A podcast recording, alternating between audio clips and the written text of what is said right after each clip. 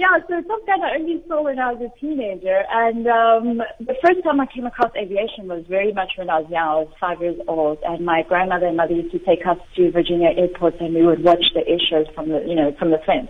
Um, at that time, we couldn't, you know, purchase tickets to get in.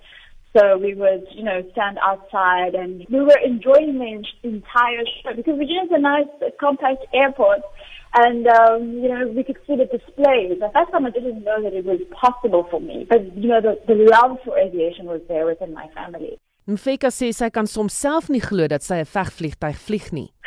Oh wow, yeah, I'm really quite humbled and honored. And there are so many times during um, you know operations and my experiences where I've literally had to pinch myself and ask myself, is this really my life? I remember we were doing the flight past with uh, Bowota at Freedom Day, and we were in the hook.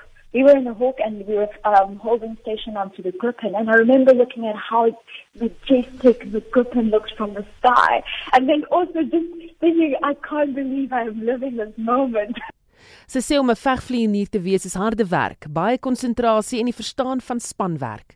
Basically anybody who comes into the space, if they apply the correct mindset, you see that there's no difference. Um, what I'm talking about now is in terms of gender, in terms of race. There is no difference in the requirements. At the end of the day, treat the aircraft with respect. Respect the ground crew who are around you. Respect the air crew and your mentors and everything. And bring your best for the safety and the correct execution of the mission that you're, you've been tasked for or for the sortie that you're about to fly. Mfeka sê dis nie so maklik as wat dit lyk om 'n verbyvlug te doen nie. Well, it's really really exhilarating. But more than anything, when you're coming over your target or during a flight pass, that's actually the most intense moment because there you're actually making sure that you're at the correct spacing, you're maintaining the correct speed, you're maintaining the correct uh, references with regards to your leader and the rest of the formation, and then more so to make sure that your, your aircraft gets over on time.